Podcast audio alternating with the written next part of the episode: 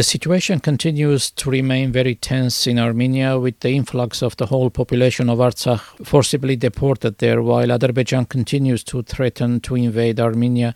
To learn more about the current situation in Areni and surrounding areas, we're in touch with Len Wicks again to learn about the situation of the border village of Areni and how locals are helping the forcibly displaced refugees from Artsakh. Len, welcome to SBS Armenian.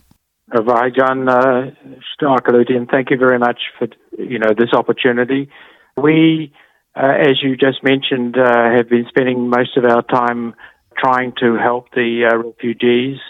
I'd like to advise you that you know what the government is t- saying that they had prepared forty thousand uh, places or homes for refugees uh, months before uh, because they knew it was going to be a th- cleanse, but that's another story. Actually, uh, this is not correct. Uh, this is false information uh, because what they did was they rang around the villages, uh, the municipalities, and asked how many empty houses there were. Now, you've probably been to Armenia and seen the deserted homes, none of them of which are livable uh, because they haven't been lived in for decades, some of them, uh, but they counted times five people for each deserted house, and that's how they got the 40,000 number. I can tell you that uh, we have been trying to find uh, clothes, uh, shoes, but even basic amenities like toilets, believe it or not, for, for these poor people who are being placed in um, some of the village homes because, of course, some went to Yerevan and they found it was very expensive. Uh, some have relatives there, so that's okay. But uh, I believe the majority have returned to the rural area, which is a good thing. Uh, we, we, want to populate the rural area, but there's absolutely no uh, support uh, for them other than the cash uh, handouts, which we hear about for government. Now, we know this because we've been working with the refugees uh, interviewing them, and some of those interviews and information appears on my Straight Talk from the Homeland uh, YouTube. Other than that, we also uh, this is probably too much information. We're, we're also supporting the defence of the homeland. Uh, we doing whatever we can to get equipment to uh, the brave men and women who are guarding this uh, last vestige of uh, Christian homeland.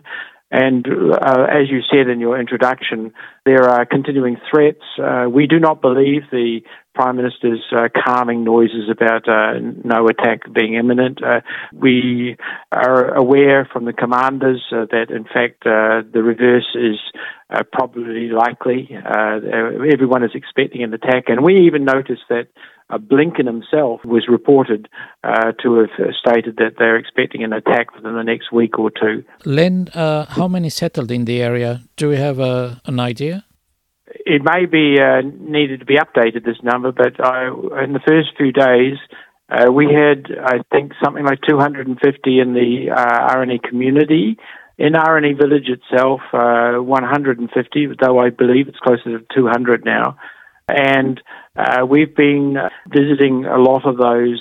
Actually, there's another YouTube channel, uh, Armenian Life with Mitch. He, he's an Aussie, uh, so um, a lot of your listeners uh, will hopefully be following him. In concert with Mr. Mitch, we've been going to those homes and assessing the needs, and as I said, raising funds uh, for those uh, vital things, particularly as winter is on the way. So we, we want to make sure that people are warm and are able to survive. Uh, what they don't need is uh, food because the community has been uh, helping to provide food, but uh, uh, other things like warm clothes and uh, attention to sanitary needs, that's important. Len, are there international relief agencies working in the area? Yes. In fact, last uh, week we've been twice to a refugee camp at, near a place called Yeghegis, which is in Vayots Dzor, and that's run by His Eminence the Archbishop uh, here, who's opened his doors to, I would say, the poorer, the um, less well advantaged uh, refugees. Uh, they have about a hundred and 50 or something like that uh, refugees in uh, in an old summer camp, an old Soviet summer camp there. So uh, we met uh, folk from uh, Germany who uh, had a, an NGO, and it was such a wonderful thing to to um, watch them working with the children, many of them uh, who have been traumatized, of course. Um, the children are trying to play and trying to smile, but you, it's all a mask. You know, they, they've been through such terrible times. We know that USAID uh, have been about, and we know that there are other uh, organizations here we also know that the uh, European monitors have uh, increased their presence in Yeghegnadzor and, and, other places. So, yes, there is quite a an increase in international presence, uh, and it's needed right now. What about schooling for Artsakh refugee children? Are there enough places in the local schools? I can't uh, speak for every refugee, of course, but from our experience, uh, well, I'll just talk about the ones near Yeghegis. The younger ones are going to uh, a local school, and I think there were four, if I'm not wrong, older students that were being bused to a more senior school because the more senior school wasn't available locally. So um, uh, here in Areni, the um, simple matter of clothes uh, was an impediment. So uh, you'll see on uh, one of uh, Mr. Mitch's uh, YouTube videos the delivery of clothes brought delight to a young lady who uh, could then go to school because she didn't have any clothes to wear. So yes, they're, they're trying to be placed locally wherever they can. Len, you mentioned the accommodation, which is not enough and quite old. are some refugees in tents? I'm not aware of refugees in tents. There could be. But generally speaking, the villages have opened their doors. Uh, do do not believe this nonsense that you might hear about some people saying, "Oh, they should go back or go somewhere else." So, you know, Armenia is a country of uh, gossip, and uh, unfortunately, these uh, sort of things we've heard sometimes. But from my uh, perspective, all I've seen is good things, people uh, doing what they can. And, I, and here I might mention that we have been uh, overwhelmed with uh, generosity from uh, some of the diaspora there in Australia who have sent us and Mr. Mitch some donations to try and uh, help with these basic needs that I was mentioning. Unfortunately, some of these uh, donations are being held up uh, because, well, I only just found out recently that Armenia is not connected properly to the international banking system.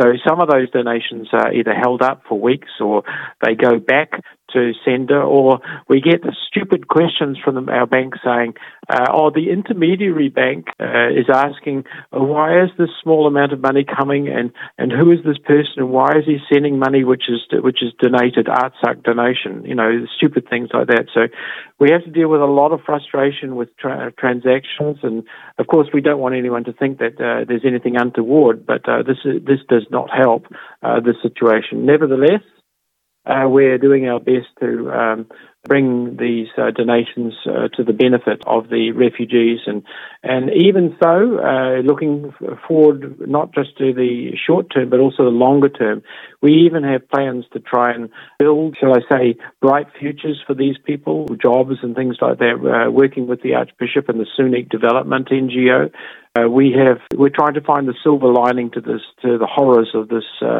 ethnic cleansing and genocide. Uh, Len, you are very close to the border. How many villages or towns are near Areni and in danger if Azerbaijan decides to attack? Mm, that's a very good question. So, uh, foremost is Khachik, which is just a few hundred meters from the border. Uh, and of course, us, uh, we sort of guard the valley of the Arpa River uh, where it exits into Nakhichevan. And if you take the road from Areni towards uh, Yerevan, you'll pass the villages uh, Chiva and Yelpin. These villages are also not far from the border, but uh, perhaps not quite as vulnerable as, uh, as. Uh, all of these uh, areas on the mountaintops have the outposts, and uh, I would ask the listeners uh, to do whatever they can to um, support these brave men and, and women. We are in touch with uh, people who are able to deliver special equipment. It is very, very frustrating, however, because there is a, a difficult process uh, to procure special equipment to help these people. Uh, but nevertheless, we are trying, and uh, that includes not just from Australia, but also from the United States diaspora who are in contact with us. So as you can see, we're coordinating quite a lot of activities. and if anybody wants to assist, then they can reach out to us directly, and we'd be happy for their support. Mm. Uh, Len, has the government or local authorities warned uh, the residents in your area about the, the potential dangers? Uh, are authorities sort of making efforts to prepare the residents in case of an Azerbaijani incursion? Well, the short answer to that question is no, uh, but you should not be surprised by that uh, because, as you know, uh, border villages have, have lived under the threat of Azeri attacks for decades, not just recently.